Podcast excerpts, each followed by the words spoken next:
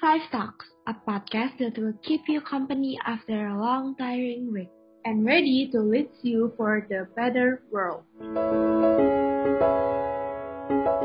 Hai semua, kenalin aku Michelle bareng partner aku Elena.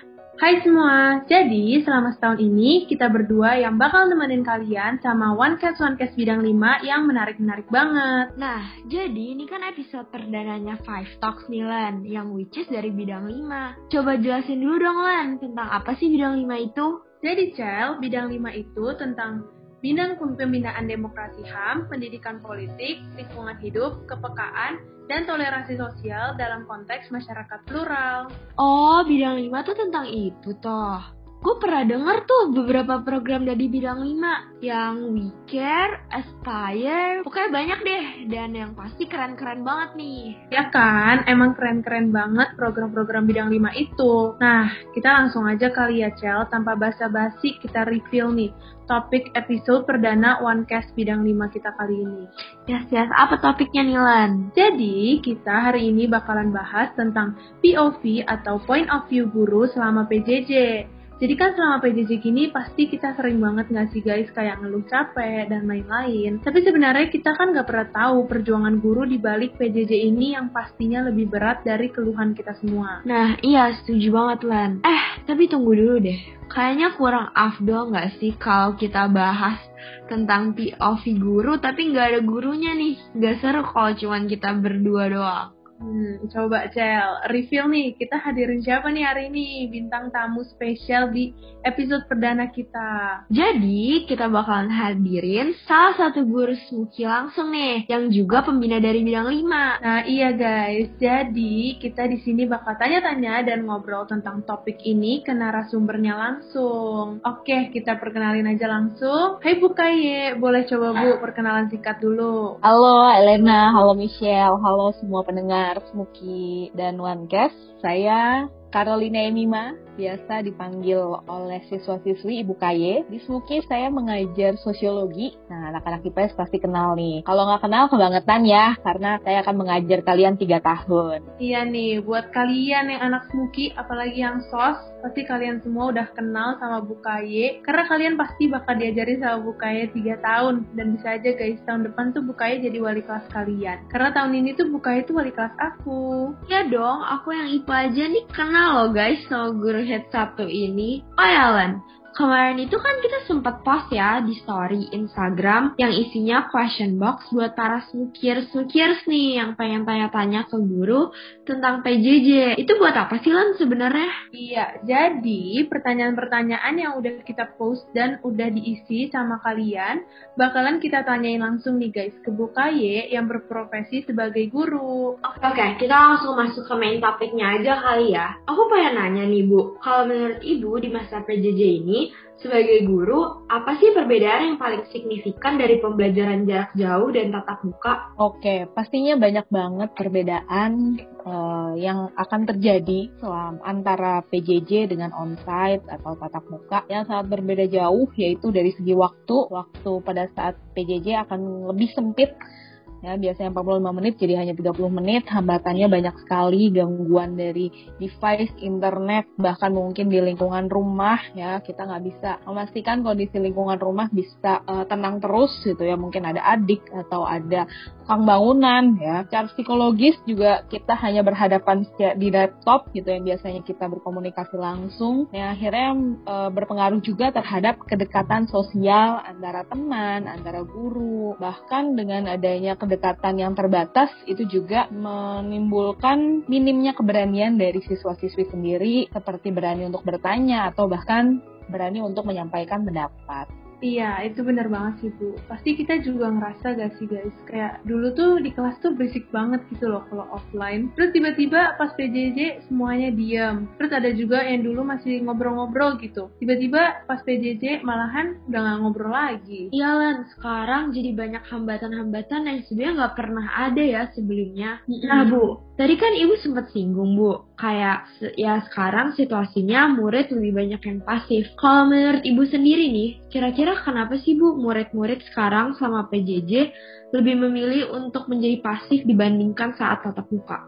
Oke, menurut saya sendiri kenapa sih uh, lebih banyak yang pasif selama PJJ? Ini juga bisa ada hubungannya dengan kondisi saat ini ya, di mana kalian semua ini minim sekali hubungan sosial dengan lingkungan sekolah, dengan bapak ibu guru, dengan teman-teman, karena cuma bisa lewat Zoom gitu ya. Jadi minim sekali kesempatan untuk kalian menunjukkan keberanian kalian untuk aktif baik dalam menjawab, bicara maupun uh, kesempatan lainnya gitu ya.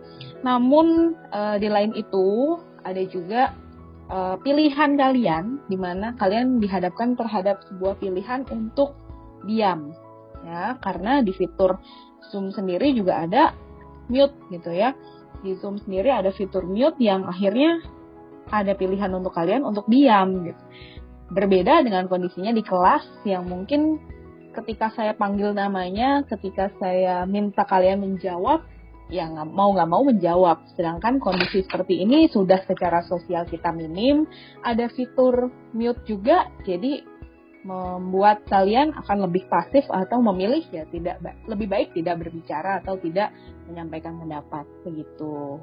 Iya, aku setuju banget sih. Kayak kalau murid-murid zaman sekarang, apalagi kalau lagi PJJ, dikasih pilihan gini apalagi pasti mereka kayak lebih milih ya udahlah mute diem aja gitu kayak males ngomong males bereaksi cuman kan kalau misalkan belajar tatap muka offline mereka ditanya ya mau nggak mau harus jawab ekspresi mereka juga kelihatan nggak sempet nanya-nanya nggak sempet ngapa-ngapain ya mau nggak mau harus jawab kalau misalkan lagi PJJ gini kan sebenarnya kita nggak tahu juga ya Bu kalau mereka udah tanya ke temen atau gimana. Nah next kita bakal langsung tanyain pertanyaan-pertanyaan dari question box yang tadi udah kita sebutin sebelumnya. Langsung aja nih. Jadi ada yang nanya nih Bu, Ibu sebenarnya kangen gak sih Bu ngajar secara tatap muka?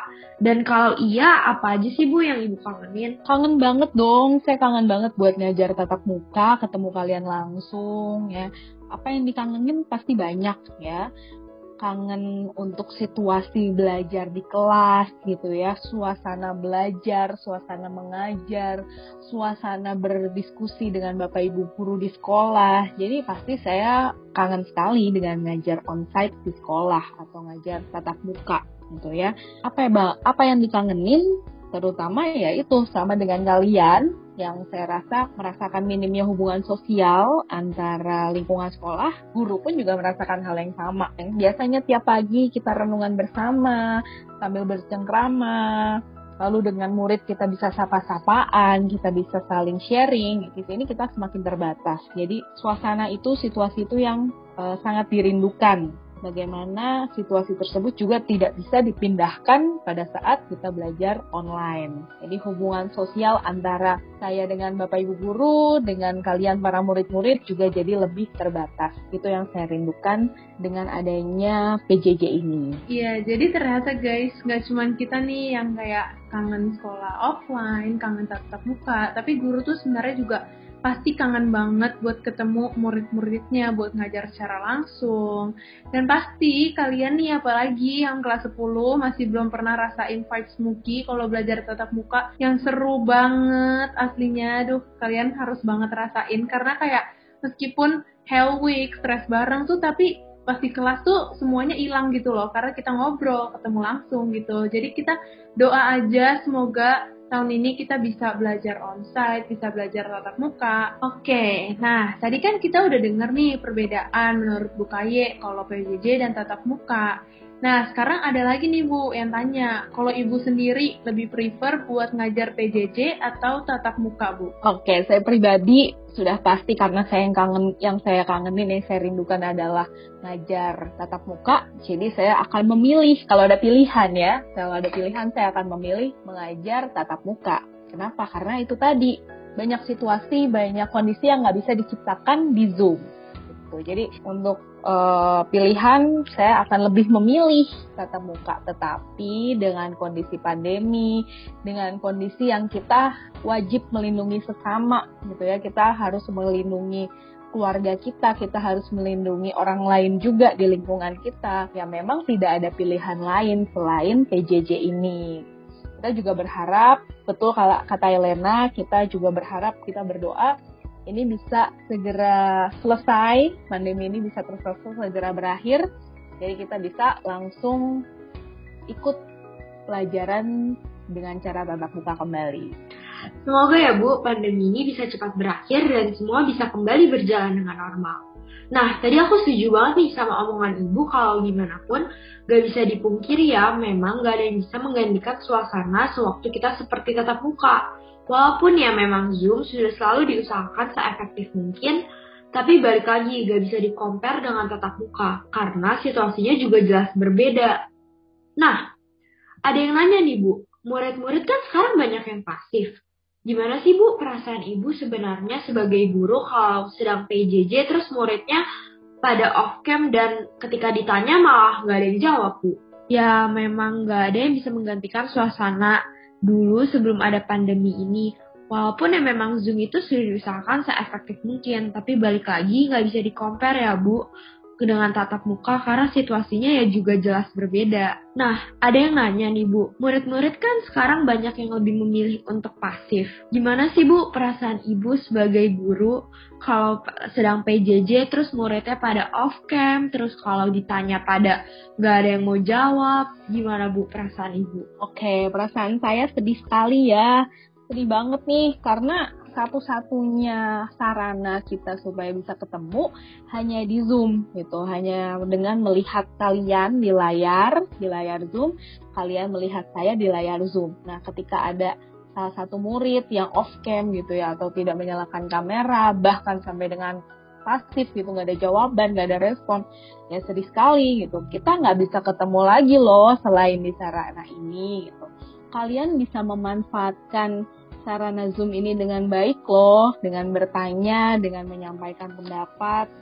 Jadi saya tidak hanya saya seharusnya yang sedih, tetapi kalian juga ketika kalian tidak e, menyalakan kamera atau bahkan nggak aktif di kelas, diam aja atau nggak nanya, karena di situ kalian sama dengan tidak menggunakan hak kalian dalam bersuara, dalam bertanya, dalam menyampaikan pendapat begitu. Jadi seharusnya tidak hanya saya saja yang sedih, tetapi juga kalian juga sedih seharusnya. Dan yang kedua, perasaan lainnya itu juga penasaran. Serius nih, nggak bisa buka uh, layar. Serius nih, kita nggak bisa ketemu di Zoom sayang banget loh pertemuan kita hanya di sini. Apa nggak ada usaha lain untuk kita bisa ketemu? Apa nggak ada kuota cadangan supaya tetap bisa on cam? Tuh, jadi itu perasaan saya kurang lebih bisa menggambarkan ketika ada anak yang off cam atau bahkan tidak aktif pada saat di kelas. Hmm, iya tuh guys, kayak buat kalian yang sekarang masih sering off cam, masih sering kayak ogah-ogahan, join Zoom, males. Itu tuh sebenarnya pasti ngebuat guru tuh jadi sedih banget. Karena kayak ngajar gini kan juga sebenarnya perlu interaksi ya Bu antara murid sama gurunya.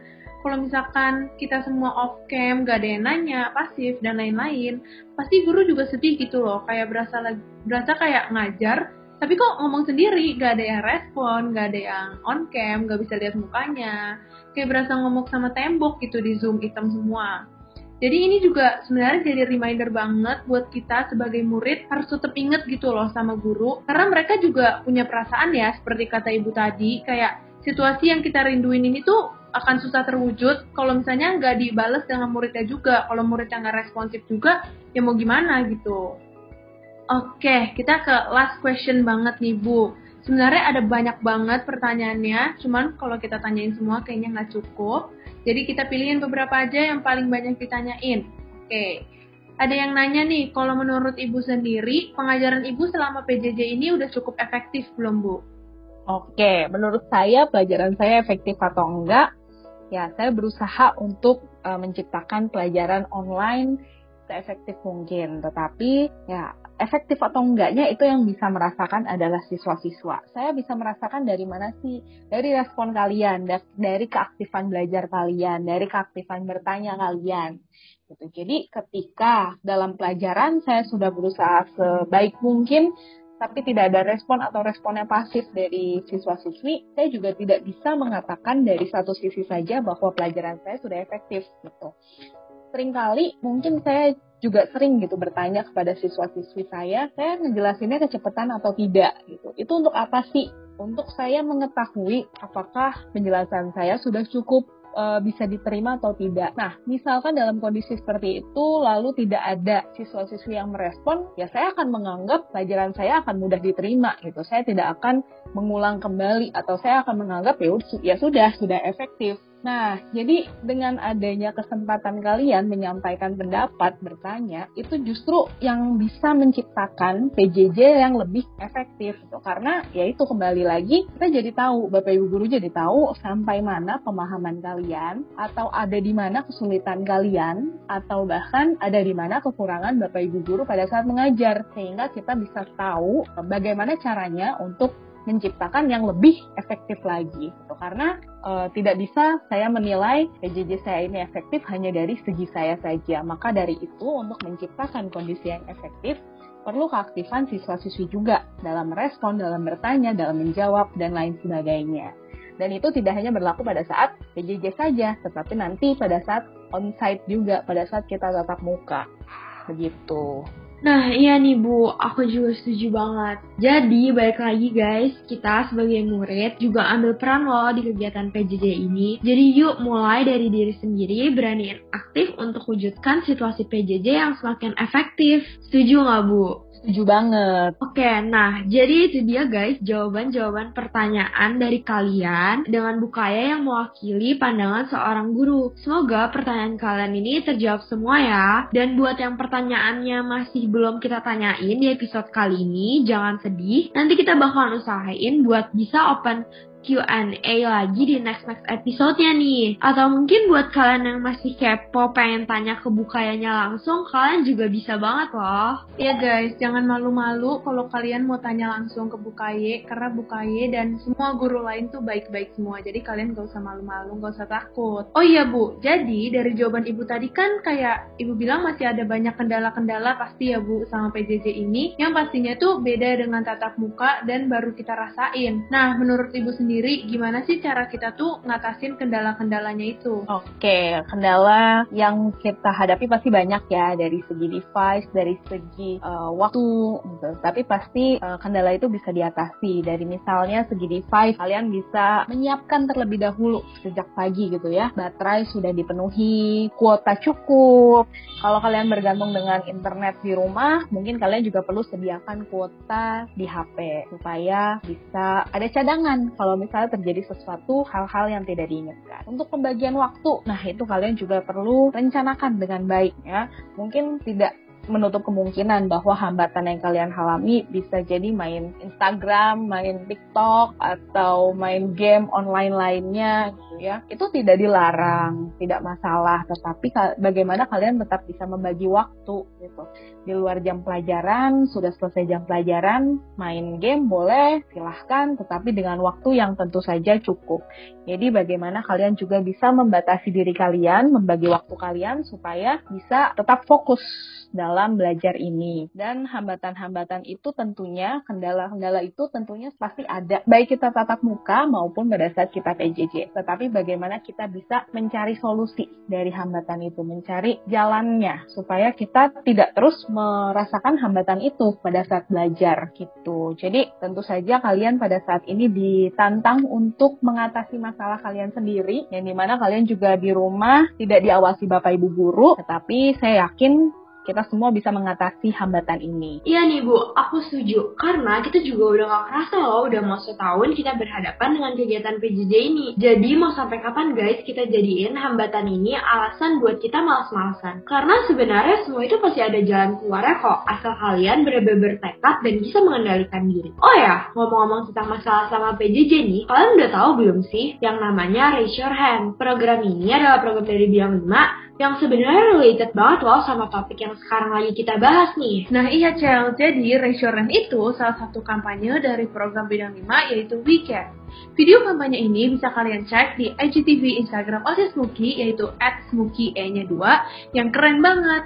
Kalian juga bisa pause dulu OneCast ini dan langsung kalian cek IGTV-nya. Dan jangan lupa kalian juga wajib banget follow IG Smuki buat tahu info-info terbaru dari Smuki. Yes, yes, jangan lupa follow ya. Semoga setelah kalian nonton video hand tadi, jadi terbuka deh pikiran kalian buat beraniin diri pencet raise hand-nya di Zoom. Nah Bu, dari program hand ini, kita mau tahu dong Bu, sebenarnya apa sih latar belakang dan tujuan dari program ini sampai kepikiran buat dibuat video kampanyenya. Oke, jadi latar belakang teman-teman di bidang 5 untuk membuat kampanye Raise Your Hand ya tidak Pak, tidak bukan dengan kondisi PJJ selama ini di kelas sendiri. Teman-teman banyak sekali yang merasakan bahwa di kelas cenderung pasif gitu atau kelasnya cenderung pasif, ketika Bapak Ibu guru bertanya tidak ada yang menjawab atau bahkan ketika diskusi hal sederhana aja untuk menentukan lomba di kelas meeting mungkin juga uh, banyak yang tidak memberikan aspirasi. Jadi latar belakangnya karena kondisi yang kita hadapi selama ini. Uh, tidak hanya itu, uh, kami juga berkaca dengan dari tujuan bidang lima sendiri yang ingin mengajarkan atau untuk mensosialisasikan bagaimana hak asasi bisa dilakukan bagi siswa-siswi di SMAK 1. Gitu. Jadi tidak usah kita membicarakan hak asasi manusia secara lebar, tetapi bagaimana siswa-siswi di SMAK 1 juga turut menggunakan haknya dalam bersuara, dalam memberanikan diri untuk berbicara, dalam memberanikan diri untuk berpendapat atau bertanya di saat pelajaran berlangsung gitu. Itu latar belakang kami. Jadi tidak hanya berkaca pada kondisi yang dihadapi di kelas, tetapi kami juga ingin mengajak kesadaran hak asasi siswa-siswi di sekolah gitu.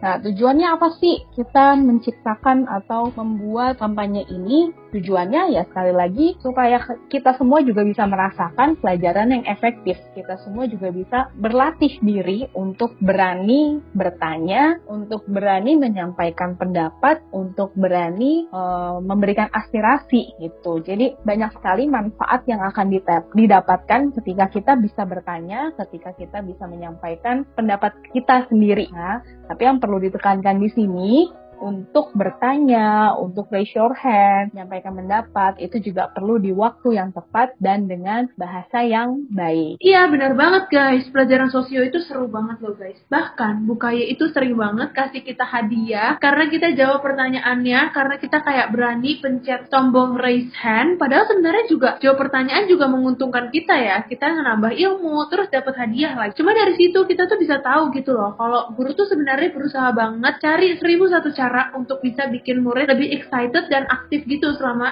PJJ gini. Jadi kita tuh harus lebih benar-benar hargain guru sih guys dan mikirin perasaan guru selama PJJ gini. Nah, kalau menurut Ibu nih, kenapa sih Bu uh, program Raise Hand ini bisa dijadiin solusi dari permasalahan-permasalahan selama PJJ? Dan juga kenapa kita tuh sebagai murid penting banget buat tahu tentang Raise Hand ini? Oke, kenapa penting buat permasalahan ini menjadi solusi gitu ya? Yang pertama, karena balik lagi Bapak Ibu guru tidak bisa memastikan pelajaran setiap materi yang kita berikan itu efektif 100%.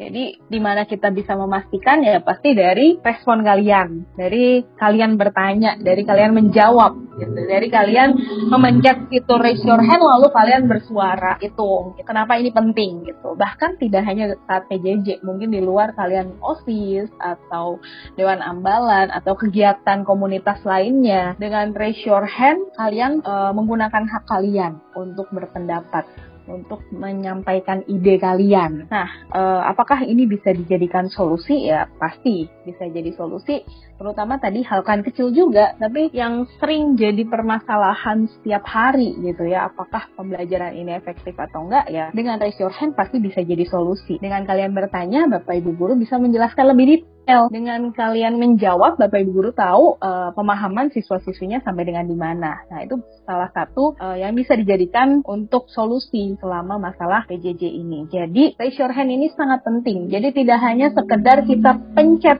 raise your hand, tetapi bagaimana kita juga angkat tangan untuk bisa berbicara untuk bisa menyampaikan pendapat. Jadi tidak hanya kita menggunakan hak kita untuk berbicara, tetapi kalian ini juga uh, membangun keberanian diri kalian untuk menyampaikan pendapat. Oke Bu, kayaknya sekian dulu dari pertanyaan-pertanyaan kita hari ini. Makasih banyak ya Bu udah luangin waktu Ibu untuk jadi special guest di episode perdananya Five Talks nih. Ya, sama-sama juga. Saya juga senang bisa berbagi di hari ini. Semoga kita semua bisa memanfaatkan uh, fitur raise your hand, tidak hanya fitur raise your hand, tetapi kesempatan kita dalam uh, berpendapat atau bertanya. Iya, seru banget ya Cel ngobrol sama Bu Kai hari ini. Iya, asik banget. Nah, sebelum kita akhiri nih episode kita hari ini, Ibu ada pesan terakhir nggak nih Bu buat anak-anak sekarang yang lagi sekolah dan masih berhadapan dengan PJJ? Oke, uh, pesan saya buat siswa-siswi SMAK 1 yang sedang berhadapan dengan PJJ ya, jika ada pilihan kita pasti akan memilih untuk tetap muka, tetapi ini tidak ada pilihan lain. Jadi kendala atau hambatan yang kita rasakan itu tidak hanya menjadi sebuah alasan, tetapi adanya kendala dan hambatan justru bisa membuat kalian untuk mencari solusi terbaik. Dan tentu saja solusi itu yang terbaik untuk kalian. Untuk kalian bisa mengikuti PJJ dengan efektif untuk kalian bisa mengikuti pelajaran dengan baik dan untuk kalian bisa mencapai prestasi juga yang baik. Ya guys benar banget yang Bukaya omongin dan kita harus benar kita harus terapin semua itu di kehidupan kita apalagi di selama PJJ ini. Oke, sekali lagi thank you banget Bu Kaye. Semoga di lain waktu kita bisa ngobrol-ngobrol lagi sama Bu Kaye. Ya, thank you Bu. Sama-sama Elena, Michelle, dan OneCast. Nah guys, jadi menurut kalian setelah kalian denger OneCast episode ini, kalian merasa kalian masuk tipe yang mana nih? Coba kalian tanya ke diri kalian sendiri. Sekarang tuh kayak aku tuh udah mulai berani belum ya buat ngomong tentang pendapat aku sendiri atau aku tuh udah mulai berani belum ya buat sekedar tanya pertanyaan dan keluar dari comfort zone aku selama PJJ ini. Mungkin menurut kalian selama ini kalian ngerasa udah capek banget di masa PJJ ini. Tapi dari episode ini kita bisa tahu, nggak cuma kita doang loh yang merasa capek, guru juga udah berusaha semaksimal mungkin demi kita biar bisa belajar tetap efektif. Ya walaupun pandemi gini, kita sebagai murid gak boleh egois guys. Karena kita juga harus pikirin perasaan guru yang ngajar gimana. Kalau kita bersikap seenaknya. Ya Galen? Iya bener banget. Terus mungkin juga kalau kalian lihat raise your hand ini tuh hal yang simple banget dan sering diremehin sama banyak orang. Tapi menurut aku sendiri raise your hand ini bisa jadi reminder yang bagus banget buat kita. Kayak dari video kampanyenya itu kita bisa lihat kalau OSIS-OSIS bidang 5 ini ajakin kita buat lebih beraniin diri kita buat bertanya atau ibaratnya beraniin diri kita untuk buka suara. Iya, setuju banget sih, Len. Terus menurut aku juga efeknya tuh bukan sekedar kayak kalau kita tanya kita bisa dapet ilmu. Ada lagi efek lain yang menurut aku berguna banget loh buat diri kita dengan kita udah beraniin diri buat sekedar pencet tanda raise your hand, artinya kita juga udah berani buat improve diri kita supaya semakin baik lagi ke depannya. Mungkin bagi beberapa orang tuh kayak, ya elah tanya di Zoom doang, apa susahnya sih? Alay banget. Tapi kita nggak tahu loh, banyak orang-orang yang nggak berani dan bahkan merasa ketakutan buat pencet unmute dan mulai bertanya. Iya, dan juga dengan kalian tanya dan pencet tanda raise your hand itu, kalian bakal jadi lebih respect sama guru-guru yang udah capek-capek ngajarin kalian. Karena dengan itu pasti juga guru tuh lebih seneng guys kalau kalian ngedengerin yang dari tadi gurunya ajarin dan aktif bertanya. Pasti guru lebih merasa dihargai. Yap, so why not nanya ke guru tentang materi yang masih kita kurang mengerti yang nantinya juga bakal nambah di ilmu kita dan nguntungin kita. Seperti kata pepatah guys, kalau malu bertanya yang ada sesat di jalan. Jadi jangan malu-malu dan mulai pencet tombol raise your hand-nya. Oke, kayaknya kita udah ceramah terlalu banyak nih, Cel. Udah panas tuh kuping mereka denger kita ngomong kebanyakan. Iya, kayaknya kita udahin aja Five Talks episode kali ini. Buat kalian yang masih mau dengerin suara kita lagi dan obrolan-obrolan kita lagi, stay tune terus di episode-episode berikutnya. Yoi guys, tungguin kita terus di setiap hari Senin di akhir bulan. Kita bakal jadiin Senin kalian lebih berwarna dengan kalian dengerin suara kita di Five Talks ini. Kalian juga bisa mulai follow OneCast dari sekarang biar tiap ada episode baru kalian gak bakalan ketinggalan. Yes, jangan lupa juga buat cek episode-episode lain yang gak kalah serunya. Dan beberapa juga ada yang suara kita loh guys. Ayo guys dicari episode berapa yang ada suara kita lagi nih. Oke Cel, kayaknya cukup promosi kita dan kayaknya segini dulu episode perdana dari Five Talks kita hari ini yang seru banget. Yes, yes, jadi jangan lupa buat raise your hand and make a change. See you on our next episode. Bye-bye. Bye.